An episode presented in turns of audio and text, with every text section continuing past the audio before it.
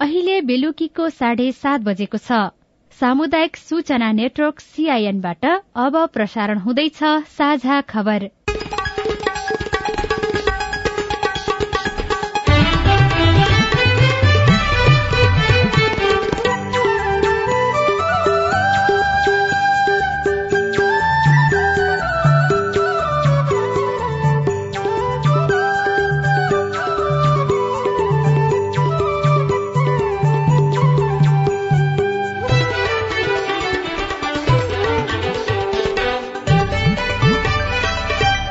सीआईएनको साझा खबरबाट लील प्रकाश चन्दको नमस्कार। साझा खबर देशभरिका सामुदायिक radio CIN Khabar dot com सीआईएनको फेसबुक पेज र मोबाइल एप सीआईएनमा पनि सुन्न सकिन्छ।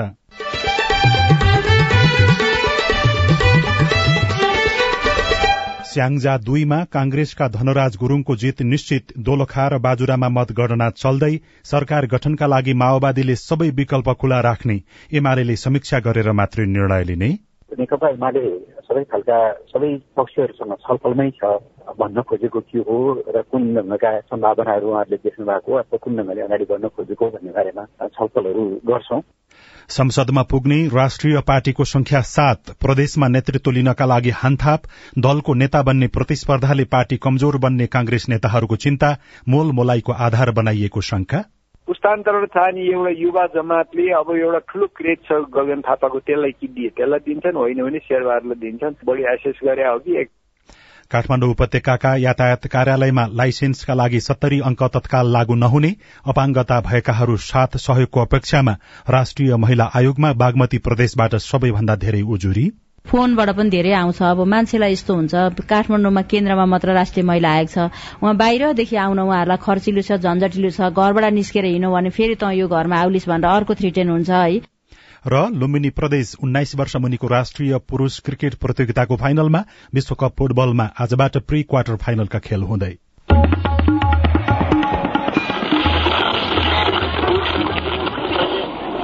रेडियो। हजारौं रेडियो कर्मी र करोड़ौं नेपालीको माझमा यो हो सामुदायिक सूचना नेटवर्क सीआईएन हरेक निर्वाचनको बेला राजनैतिक दलहरूले सुकुम्बासी भूमिहीनका समस्या समाधान गर्ने प्रतिबद्धता जनाउँछन्। तर सरकारमा रहँदा वा नरहँदा पनि उनीहरूले गरेको बाचा पूरा गर्दैनन्। अर्को चुनाव फेरि आइपुग्छ समस्या समाधान गर्छौं भन्न दलहरू पछि पर्दैनन्। सुकुम्बासी भूमिहीन मात्रै होइन विकास निर्माणदेखि नागरिकको नाना छाना र खानाको अभावलाई दलहरूले मत भजाउने आधार मात्रै बनाइरहनु राम्रो होइन।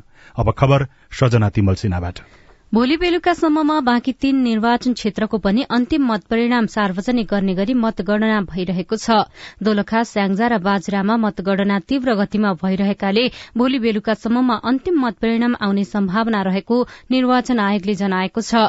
मंगिर चार गतेको मतदान भएका एक सय बैसठी निर्वाचन क्षेत्रको अन्तिम मत परिणाम सार्वजनिक भइसकेको छ भने पुनः मतदान भएका तीन क्षेत्रको अन्तिम मत परिणाम आउन बाँकी रहेको छ। यी क्षेत्रमा पनि मतगणना तीव्र गतिमा भइरहेकाले भोलि बेलुकासम्ममा सार्वजनिक गर्ने योजना रहेको आयोगले जनाएको छ। हालसम्मको अवस्थामा तीनै क्षेत्रमा गठबन्धनका नेताहरूको अग्रता देखिएको छ। रेडियो बुढीनन्दा बाजुराका अनुसार गठबन्धनका तर्फबाट बाजुरामा प्रतिनिधि सभा उम्मेद्वार बद्री प्रसाद पाण्डेले सत्र हजार आठ सय पचपन्न मत प्राप्त गर्नुभएको छ। उहाँका निकटतम प्रतिस्पर्धी एमालेका उम्मेद्वार थापाले तेह्र हजार दुई सय सन्तानब्बे मत प्राप्त गर्नुभएको जिल्ला निर्वाचन कार्यालय बाजुराले जनाएको छ। यस्तै बाजुरा निर्वाचन क्षेत्र नम्बर निर्वाचन क्षेत्र नम्बर कमा वाम लोकतान्त्रिक गठबन्धनबाट नेकपा एकीकृत समाजवादीका उम्मेद्वार नरेश कुमार शाही निर्वाचित हुनुभएको छ। उहाँ दस हजार एक सय त्रिहत्तर मत प्राप्त गरेर निर्वाचित हुनुभएको हो। नेकपा एमालेका उम्मेद्वार बलदेव रेग्मीले आठ हजार छ सय बत्तीस मत प्राप्त गर्नुभयो। यस्तै प्रदेशसभा खमा पनि वाम लोकतान्त्रिक गठबन्धनबाट नेपाली कांग्रेसका उम्मेद्वार पदम बहादुर शाहीले दस हजार नौ सय सतहत्तर मत प्राप्त गर्नु भएको छ। उहाँका निकटतम प्रतिस्पर्धी नेकपा एमालेका उम्मेद्वार निवर्तमान सांसद समेत रहनुभएका लालबहादुर थापाले आठ हजार छ सय चालिस मत प्राप्त गर्नु भएको छ। यस्तै स्याङ्जा दुईमा नेपाली कांग्रेसका उम्मेद्वार धनराज गुरूङको जित सुनिश्चित भएको छ। पछिल्लो मत परिणाम अनुसार गुरूङले तीस हजार तीन सय तेह्र मत पाउँदा एमाले उम्मेद्वार पद्मा अर्यालले चौविस हजार दुई सय पचहत्तर मत पाउनु भएको छ। गुरूङ र अर्याल बीचको मतान्तर छ हजार अडतिस छ तर अब तीन हजार जति मात्रै मत गर्न बाँकी रहेकाले गुरूङको जित सुनिश्चित भएको हो। यस्तै प्रदेशसभा दुई खमा नेपाली कांग्रेसका उम्मेद्वार अग्रस्थानमा छन्। यो तयार पार्दासम्म कांग्रेसका उम्मेद्वार महेश भट्टराईले सत्र हजार नौ सय मत प्राप्त गर्नु भएको छ। एमालेका बुद्धिमान श्रेष्ठले चौध हजार नौ सय सन्तानब्बे मत प्राप्त गर्नु भएको निर्वाचन कार्यालयले जनाएको छ। यसै गरी दोलखामा पनि गठबन्धनका नेताहरूको अग्रता कायमै देखिएको छ। दोलखामा प्रतिनिधि सभातर्फको सत्ताइस हजार चार सय सत्र मत गणना हुँदा नेकपा माओवादी केन्द्रका उम्मेद्वार गंगा कार्कीले नेकपा एमालेका बालकृष्ण शिवाकोटीलाई एक हजार अस्सी मतले पछि पार्नु भएको छ। माओवादीका कार्कीले बाह्र हजार चार सय नब्बे मत पाउँदा शिवाकोटीको एघार हजार चार सय नब्बे मत रहेको छ। यस्तै प्रदेशसभा क तर्फ भने नेपाली कांग्रेसका कुन्दनराज काफ्लेले एमालेका नरबहादुर श्रेष्ठलाई एक हजार चार सय अन्ठाउन्न मतले पछि पार्दै अग्रता लिनु भएको छ।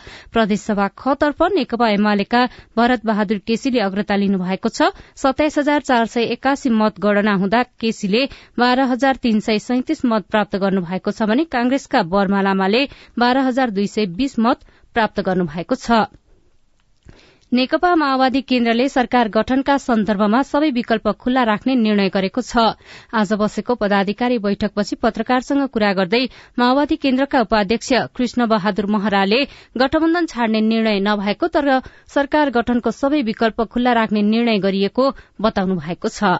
अपेक्षा गरेर हामीले संघमा सिट हासिल गर्न सकिएन भन्ने समीक्षा हो। समग्र समीक्षा समयको सबै प्रश्न आएपछि मात्रै गर्ने कुरा गरियो एक दोस्रो बनाएको जुन गठन छोड्ने निर्णय गरिएको छैन र अन्य अप्सन पनि सबै अप्सन हुन्छ तर पुरानो गठबन्धनमा तोड्ने छोड्ने हामीले निर्णय गरेका छौँ सोचे जस्तो परिणाम नआएको अवस्थामा सरकार बनाउन अब वार्ता र संवाद एमालेसँग पनि हुन सक्ने माओवादी केन्द्रका नेताहरूले बताउँदै आएका छन्।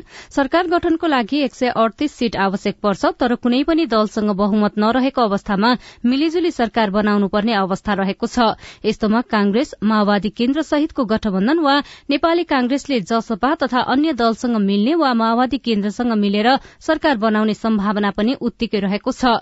समानुपातिक तर्फबाट एमालेको केही सीट बढ़ी आउने देखिँदा प्रत्यक्षमा कांग्रेसको सीट बढ़िरहेको छ।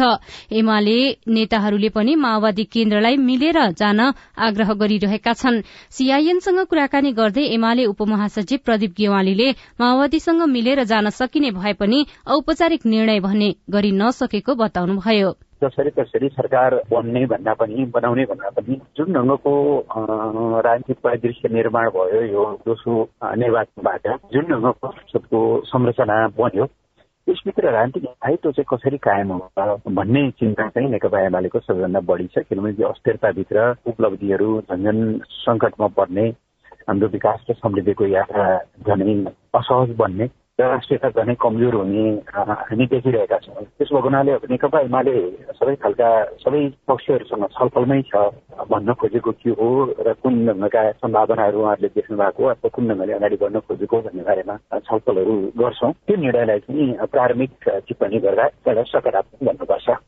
नेपाली कांग्रेसभित्र पनि सरकारको नेतृत्व गर्दा कसले नेतृत्व लिने भन्ने बारेमा दुई धार देखिएको छ।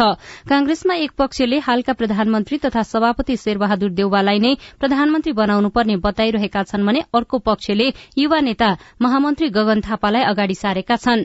कांग्रेसका अर्का महामन्त्री विश्वप्रकाश शर्माले कांग्रेसकै नेतृत्वमा सरकार बन्ने बताउनु भएको छ। झापाको दमकमा आयोजित कार्यक्रममा उहाँले निर्वाचन परिणाममा पहिलो शक्ति बनेकाले कांग्रेसकै नेतृत्वमा सरकार बन्ने तर अब प्रधानमन्त्रीमा पार्टी सभापति शेरबहादुर देउवाले विकल्प दिनुपर्ने बताउनुभयो। अर्का महामन्त्री गगन थापालाई संसदीय दलको नेता र प्रधानमन्त्रीमा प्रस्ताव गर्ने आफ्नो योजना रहेको र त्यसमा प्रतिबद्ध रहेको उहाँको भनाई थियो।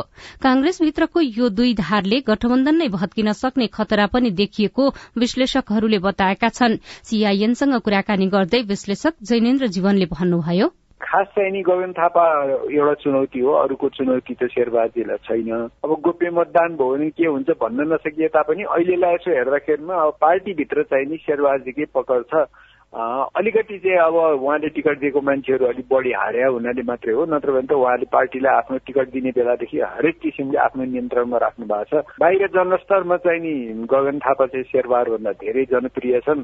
शेरबहार त्यति लोकप्रिय छैनन् तर पार्टीमा उहाँकै खण्डाचार र गगन थापाले पनि अहिलेको चोटि नभए पनि अर्कोचोटि प्रधानमन्त्री हुँदा एउटा स्प्रिङ बोर्ड जस्तो पनि हो। ससाङको पक्ष र शेखरै पक्ष शेखरै उठ्नुभयो ससाङकै उठ्नुभयो भने पनि अहिले चाहिँ नि खास शेरबहारजी र अब पुस्तान्तरण चाहने एउटा युवा जमातले अब एउटा ठुलो क्रेज छ गगन थापाको त्यसलाई किनिदिए। त्यसलाई दिन्छन् होइन भने शेरबहारलाई दिन्छन्। बढी एसेस गरे हो कि। एक एक भाइ चाहिँ नि शेरबहारजीसँग अब कुनै किसिमको अरू केही बार्गेन गर्नलाई गरे हो कि अब त्यो आफ्नो पनि अस्तित्व देखाउने मेरो पनि गुट यत्रो छ है। मलाई चाहिँ माइनस गरेर नहिँड भन्नलाई हो कि उहाँहरू प्रधानमन्त्रीमै चुनिने जस्तो चाहिँ म चाहिँ त्यो देख्दिनँ। गठबन्धनका अरू घटकका लागि शेरबहार चाहिँ सजिलो मान्छे हो उनीहरूले शेरबहारलाई प्रेफर गर्छन्। तर अब गगन थापा पनि त राजनीतिको चतुर खेलाडी हो गठबन्धनलाई टिकाएर लैजाने स्किल त शेरबहारको भन्दा नि अझ उसको होला। त्यो परीक्षण भएको छैन। गगन थापालाई हुँदै हुन्न भन्ने उनीहरूले त्यो राख्दैनन्। त्यो राख्यो भनेदेखि चाहिँ नि अर्को गडबड हुनसक्छ। मंगिर चार गते भएको निर्वाचनको समानुपातिक तर्फको मतगणना अन्तिम चरणमा पुगेको छ। निर्वाचन आयोगले अबको एक दुई दिनभित्रमा मतगणनाको काम सक्ने जनाएको छ। हालसम्म एक करोड़ चार लाख मतगणना हुँदा नेकपा एमाले सत्ताइस लाख त्रियासी हजार मत ल्याएको छ भने नेपाली कांग्रेसले छब्बीस लाख बाहन्न हजार मत प्राप्त गरेको छ। यसै गरी माओवादी केन्द्रले एघार लाख एकसठी हजार मत प्राप्त गर्दा राष्ट्रिय स्वतन्त्र पार्टीले एघार लाख तेइस हजार मत ल्याएको छ। राष्ट्रिय प्रजातन्त्र पार्टीले पाँच लाख छयासी हजार मत प्राप्त गर्दा जनता समाजवादी पार्टीले चार लाख बीस हजार मत ल्याएको छ। यस्तै जनमत पार्टीले भने तीन लाख चौरानब्बे हजार मत ल्याएको छ। नयाँ पार्टी राष्ट्रिय स्वतन्त्र पार्टी र जनमत पार्टीले थ्रेस होल्ड कटाउँदा एकीकृत समाजवादी पार्टीले भने कुल खसेको मतको तीन प्रतिशत थ्रेस होल्ड कटाउन सकेको छैन। यसरी हेर्दा संसदमा सात पार्टी मात्रै थ्रेस होल्ड कटाउने राष्ट्रिय पार्टी बनेका छनृ। प्रत्यक्षतर्फ सत्र सीटमा जीत हासिल गर्दै गण्डकी प्रदेशमा सबैभन्दा ठूलो पार्टी बनेको नेपाली कांग्रेसभित्र संसदीय दलको नेता बन्न नेताहरूबीच दौड़धूप शुरू भएको छ। बिन्दु कुमार थापा र सुरेन्द्र पाण्डे प्रबल दावेदारका रूपमा अघि सर्नु भएको छ। थापा कास्की दुई खबाट दोस्रो कार्यकालका लागि पुनः निर्वाचित हुनुभएको हो भने पाण्डे गोर्खा क्षेत्र नम्बर दुई खबाट निर्वाचित हुनुभएको हो।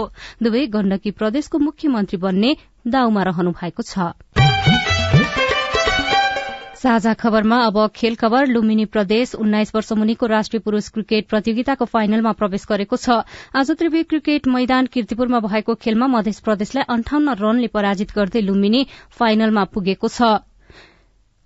लुम्बिनीले दिएको दुई सय तेइस रनको लक्ष्य मधेसले भेट्टाउन सकेन। मधेस पैंतालिस दशमलव चार ओभरमा एक सय चौसठी रनमा अलआउट भयो।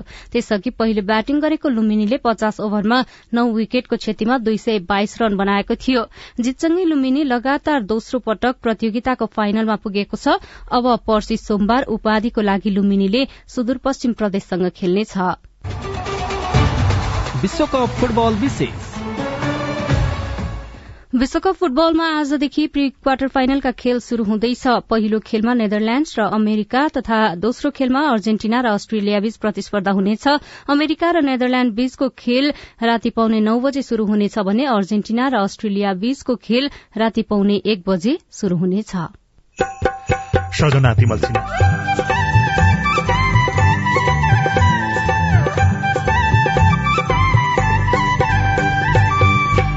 आफन्तको साथ पाए सृजनशील काम गर्न सकिने अपाङ्गता भएका व्यक्तिहरूको अनुभव? अपाङ्गता भएका व्यक्तिहरूलाई सबैभन्दा त परिवार राजनीतिक दल अनि समाज सबैको सहयोग भयो अनि उनीहरूलाई अवसरहरू प्राप्ति भयो भने धेरै कामहरू गरेर खान सकिन्छ होइन? आज विश्व अपाङ्गता दिवस रिपोर्ट नेपालको नाट्य क्षेत्र र अन्तर्राष्ट्रिय नाटक नाट्य महोत्सव शनिबार विशेष लगायतका सामग्री बाँकी नै छन्। सीआईएनको साझा खबर सुन्दै गर्नुहोला। बीएससी फरेस्टीमा भर्ना फारम भर्ने म्याद बढ़ाइएको सूचना। देशको एकमात्र प्राविधिक कृषि तथा वन विज्ञान विश्वविद्यालय वन विज्ञान संकाय अन्तर्गत बीएससी फरेस्टीमा विद्यार्थी भर्ना फारम दुई हजार उनासी मक्सिर एघार गते राति बाह्र बजेसम्म अनलाइन खुल्ला गरिएकोमा दुई हजार उनासी पौष तीन गते राति बाह्र बजेसम्म म्याद थप गरिएको छ। प्रवेश परीक्षा दुई हजार उनासी पौष नौ गते बिहान एघार बजे शुरू हुनेछ। थप जानकारीका लागि W W W dot entrance dot AFU dot EDU dot एनपीमा हेर्न सकिनेछ। सम्पर्क फोन नम्बर शून्य सन्ताउन्न पाँच तेइस दुई सय अडचालिस। नेपाल टेलिकमको सूचनाको संसार। होइन के सुनेको यस्तो ध्यान दिएर दोहोरो बोलेको जस्तो नि देख्दिन। तिन दुई एक शून्य शून्य क्या? तिन दुई एक शून्य शून्य? के हो त्यो भने? बुझिन त।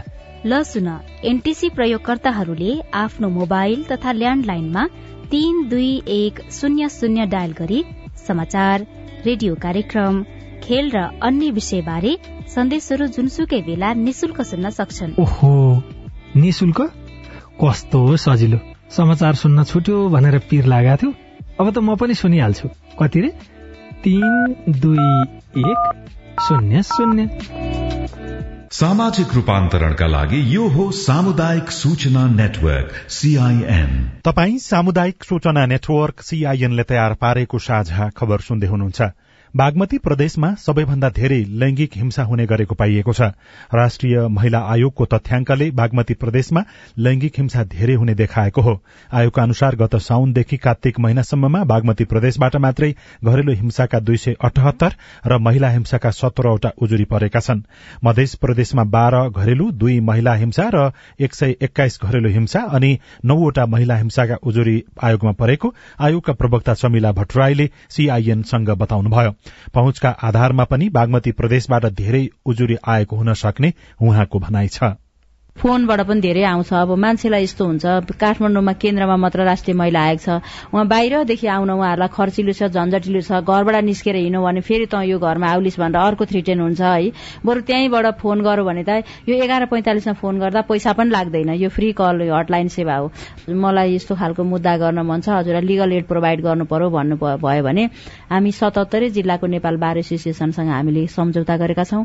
उहाँहरूलाई हामीले फलानु मानिसलाई चाहिँ लिगल एड प्रोभाइड गरिदिनु हुन भनेर यहाँबाट लेख्ने बित्तिकै त्यहीँ गएर उहाँले कानूनी सहायता लिन सक्नुहुन्छ।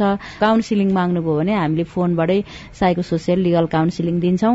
र अब कपाल काउन्सिलिङ गर्नु पर्यो भने चाहिँ उहाँहरू यहीँ आउनुपर्ने हुन्छ। त्यसरी दुवैजनालाई फोनमा काउन्सिलिङ चाहिँ गर्ने गरेको छैन। कुनै प्रकारको महिला हिंसा वा घरेलु हिंसामा परे आयोगको पैसा नलाग्ने फोन नम्बर एघार पैंतालिसमा उजुरी दिन सकिने पनि राष्ट्रिय महिला आयोगले बताएको छ। काठमाडौँ उपत्यकाको चारवटा यातायात व्यवस्था कार्यालयमा सवारी चालक अनुमति पत्रको प्रयोगत्मक परीक्षा अर्थात ट्रायलमा सत्तरी अंक भारको नियम तत्कालका लागि लागू नहुने भएको छ।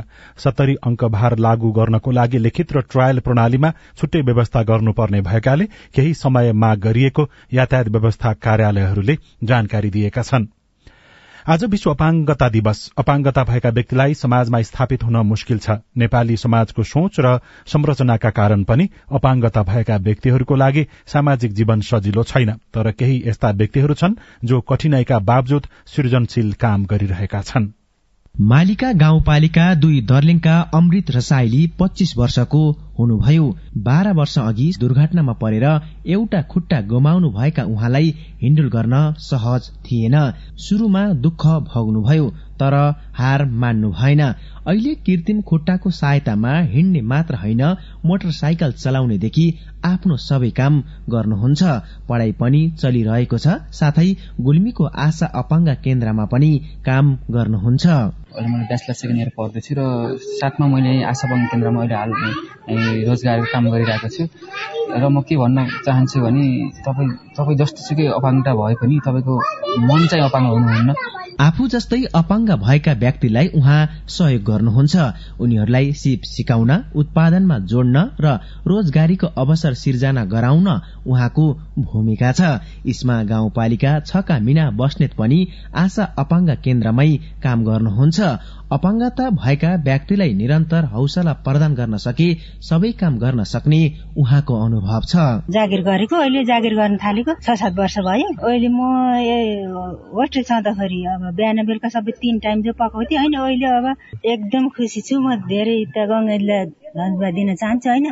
मलाई यो अवस्थामा बोलाएर अनि उपचार गरिदिनु भयो। त्यसपछि फेरि अब जागिर दिनुभयो। त्यो ठुलो कुरो अब हामी जस्तो अपाङ्गलाई अब कति गएर केही गर्न सकिन्न नि हाल यो केन्द्रमा छ जना कार्यरत छन्। उनीहरू अपाङ्गता भएका व्यक्तिको लागि व्हील चेयर बनाउने काम गर्छन् भने उनीहरूको लागि सिपमूलक तालिमको लागि समन्वय पनि गरिदिने गरेका छन्। केन्द्रमा नै विभिन्न सिप सिकेर अहिले केही सौन्दर्य कला व्यवसायी बनेका छन्। कोही सिलाइ कटाई व्यवसाय गर्छन्। कसैले गुडिया बनाएर बेच्ने गरेका छन् भने कोही सरकारी जागिरे समेत भएका छन्। केन्द्रका व्यवस्थापक गंगा रायमजी अपाङ्गता भएका व्यक्तिलाई क्षमता अनुसारको सिप दिलाउनु पर्ने बताउनुहुन्छ। अपाङ्गता भएका व्यक्तिहरूलाई सबैभन्दा त परिवार राजनीतिक दल अनि समाज सबैको सहयोग भयो अनि उनीहरूलाई अवसरहरू प्राप्ति भयो भने धेरै कामहरू गरेर खान सकिन्छ होइन? अब म पनि आफू अपाङ्ग भएको कारणले र हाम्रो संस्थाबाट पनि धेरै आठ साढे आठ हजार भन्दा बढी अपाङ्गता भएका व्यक्तिहरू बेनिफिट पाइसक्नु भएको छ र त्यसमा अहिले आफू नै इन्डिपेन्डेन्ट भएर चालिस पचासजना भन्दा बढी व्यक्तित्वहरू इन्डिपेन्डेन्ट हुनु भएको छ। माया गरिदिनुपर्छ सपोर्ट गरिदिनुपर्छ अनि कसैमा जन्मजात तथा कसैमा विभिन्न रोग र दुर्घटनाका कारण शारीरिक अपाङ्गता हुने गरेको छ। आवश्यक सहयोग शिक्षा र सिप प्रदान गर्न सके अपाङ्गता भएका व्यक्तिको जीवन सहज हुनुका साथै समाज परिवर्तनमा पनि भूमिका रहने उनीहरू बताउँछन्। सामुदायिक रेडियो स्काई गुल्मी। गुल्मी पछि कैलाली रेडियो पश्चिम आवाजका अनुसार पूर्व पश्चिम राजमार्ग अन्तर्गत कैलाली जिल्लाको लम्की चुहा नगरपालिका तीन बलचौर नजिक पश्चिमबाट पूर्वतर्फ जाँदै गरेको बा चौध च नौ पाँच सात छ नम्बरको स्कर्पियोले से एक ह नौ तीन दुई नम्बरको अटोलाई ठक्कर दिँदा तीनजना गम्भीर घाइते भएका छन्। स्कर्पियोको ठक्करबाट अटो चालक बलचौरका उन्तिस वर्षका दीपक बादी अटोमा सवार रहेका सोही ठाउँका तीस वर्षका हरीश बादी र चौविस वर्षका कल्पना बादी घाइते हुनुभएको हो। घाइते मध्ये अटो चालक उन्तिस वर्षका दीपक र यात्रु हरीशको अवस्था गम्भीर रहेको। इलाका प्रहरी कार्यालय लम्कीका प्रमुख प्रहरी निरीक्षक शंकर खड्काले जानकारी दिनुभएको छ। तपाई सामुदायिक सूचना नेटवर्क सीआईएनले काठमाण्डुमा तयार पारेको साझा खबर सुनिरहनु भएको छ। नेपालमा अन्तर्राष्ट्रिय नाट्य महोत्सव बाह्र देशका अठार नाटक मञ्चन राष्ट्रिय अन्तर्राष्ट्रिय नाटकहरू एकै ठाउँमा हेर्ने एउटा मौका पनि हो। किनकि हामी सबैजना विदेशमा गएर नाटक हेर्न पाउने अवसरहरू नहुन सक्छ। त्यो विदेशका नाटकहरूलाई हामीले नेपालमा लिएर आएर हाम्रा रंगकर्मीहरूलाई हाम्रा रंगप्रेमीहरूलाई देखाउन पाएका छौं नि त। दुई सय भन्दा बढ़ी कलाकार सहभागी नेपाली नाटकको क्षेत्रमा टेवा पुगेको विश्वास सहितको शनिबार विशेष बाँकी नै छ।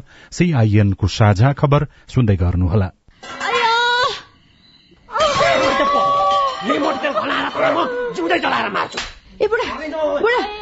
नि त्यो माइलाले त मार्ने भो त माइलीलाई। मटी त पो खनाउँदैछ त। लाउन नि झट्टै पुलिस बोलाइदिनु त। हो त पुलिसलाई खबर नगरी भएन। यसले त अति नै गर्न लाग्यो। एक शून्य शून्य। Hello police station? लौ न तपाईँहरू झट्टै यो जिल्ला अस्पताल लिएर आइदिनु पर्यो। तपाईँहरू जस्तो असल छिमेकीलाई चाहिँ धेरै धन्यवाद है। हामीलाई बेलैमा खबर गरिदिनु भएर थप अप्रिय घटना हुन पाएन। यसरी अग्निजन्य हिंसा महिला हिंसा गर्नेलाई त कानून बमोजिम दण्ड सजाय हुन्छ। ल यसलाई लिएर हिँड्नुहोस् त।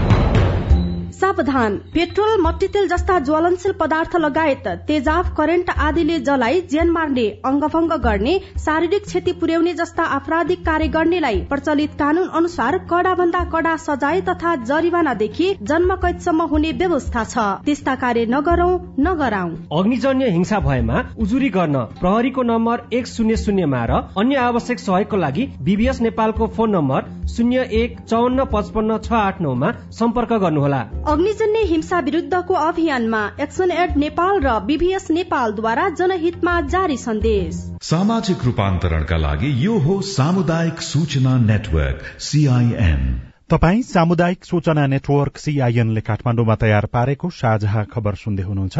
एउटा भूल सुधार बाजुरा निर्वाचन क्षेत्र नम्बर कमा वाम लोकतान्त्रिक गठबन्धनबाट नेकपा एकीकृत समाजवादीका उम्मेद्वार नरेश कुमार शाही निर्वाचित हुनुभएको छ।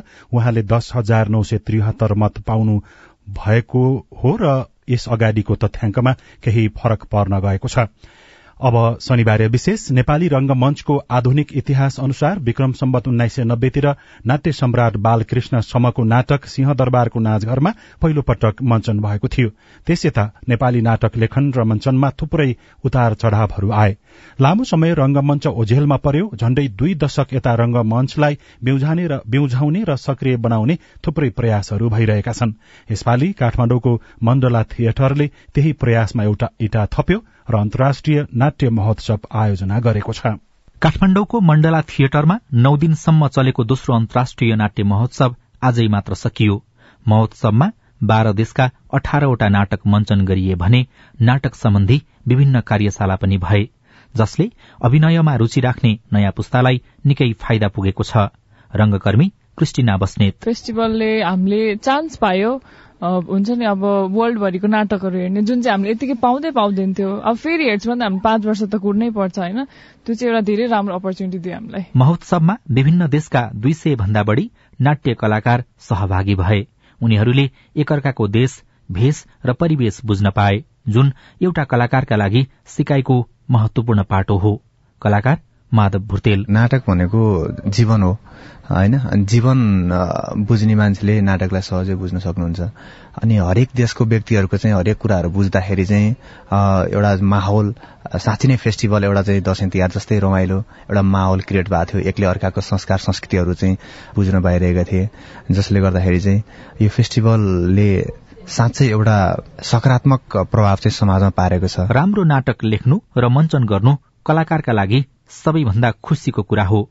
अन्तर्राष्ट्रिय नाट्य महोत्सव व्यवस्थापन समितिका सदस्य केदार श्रेष्ठका अनुसार महोत्सवले फरक फरक देशका नाटकमा विविधता र समानता खोज्ने प्रयत्न पनि गर्यो। राष्ट्रिय अन्तर्राष्ट्रिय नाटकहरू एकै ठाउँमा हेर्ने एउटा मौका पनि हो। किनकि हामी सबैजना विदेशमा गएर नाटक हेर्न पाउने अवसरहरू नहुन सक्छ। त्यो विदेशका नाटकहरूलाई हामीले नेपालमा लिएर आएर हाम्रा रंगकर्मीहरूलाई हाम्रा रंगप्रेमीहरूलाई देखाउन पाएका छौँ नि त। त्यसरी एउटा रंगमञ्चको कुरा देखाउने सँगसँगै रंगमञ्चको एउटा चाहिँ यो के भन्छ भने एक्टिभिजम जस्तो पनि हो एक खालको। अनि यो नै एउटा उद्देश्य हो। महोत्सव नेपाली रंगकर्मीका लागि अन्तर्राष्ट्रिय जगतमा अभिनय क्षमता देखाउने र मौलिक सृजना पस्किने अवसर समेत बन्यो। नाट्य महोत्सवका व्यवस्थापक सृजना सुब्बा। यो त अभियसली हुन्छ नि। हाम्रै ठाउँमा ल्याएर चाहिँ उहाँहरूले चाहिँ हाम्रो चिजहरू देखाउन पाइरहेछौँ। कहिलेकाहीँ हामीले उनीहरूको ठाउँमा लगेर चाहिँ यो चिजहरू देखाउँदाखेरि जसरी हामी आफ्नो ठाउँमा बसेर देखाउँछौँ त्यति साह्रो अलिक सहज हुँदैन।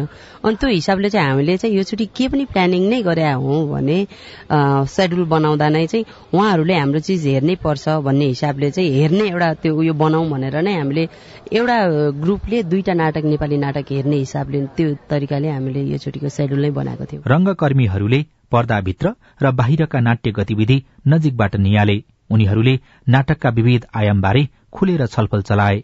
अभिनय र प्रस्तुतिलाई बलियो बनाउन सिकाई कक्षाहरू भए जसले नेपाली चलचित्र क्षेत्रलाई पनि सहयोग पुर्याएको कलाकार विजय बरालको अनुभव छ। हाम्रो लागि चाहिँ ए यस्तो गर्नुपर्ने रहेछ एज अ अभिनेता पनि यो तयारी गर्नुपर्ने रहेछ। हामी चाहिँ कम गर्दो रहेछौँ हामीलाई सहजता चाहिँ खोज्दो रहेछौँ। हामीले जुन जुन गर्नुपर्ने गर्दैन रहेछौँ भने हामीलाई महसुस भयो। सबैलाई आउनु पर्थ्यो सबैजना आउनु पर्थ्यो त्यो महसुस लिनलाई। कम आउनुभयो होला तर त्यही भित्रको क्षेत्रको हामी भएको हुनाले चाहिँ हामीलाई चाहिँ त्यो महसुस पुर्याएको छ र त्यसले चाहिँ सिने जगतमा पछि सिनेमाको लागि पनि काम गरिरहँदा त्यो कुराले अलि बढी फाइदा पुर्याउला सबैभन्दा महत्वपूर्ण कुरा झण्डै पाँच वर्षको अन्तरालमा दोस्रो पटक आयोजना भएको अन्तर्राष्ट्रिय नाट्य महोत्सवले दर्शकको मायासँगै विभिन्न संघ संस्था र सरकारी निकायबाट पनि राम्रै सहयोग पायो।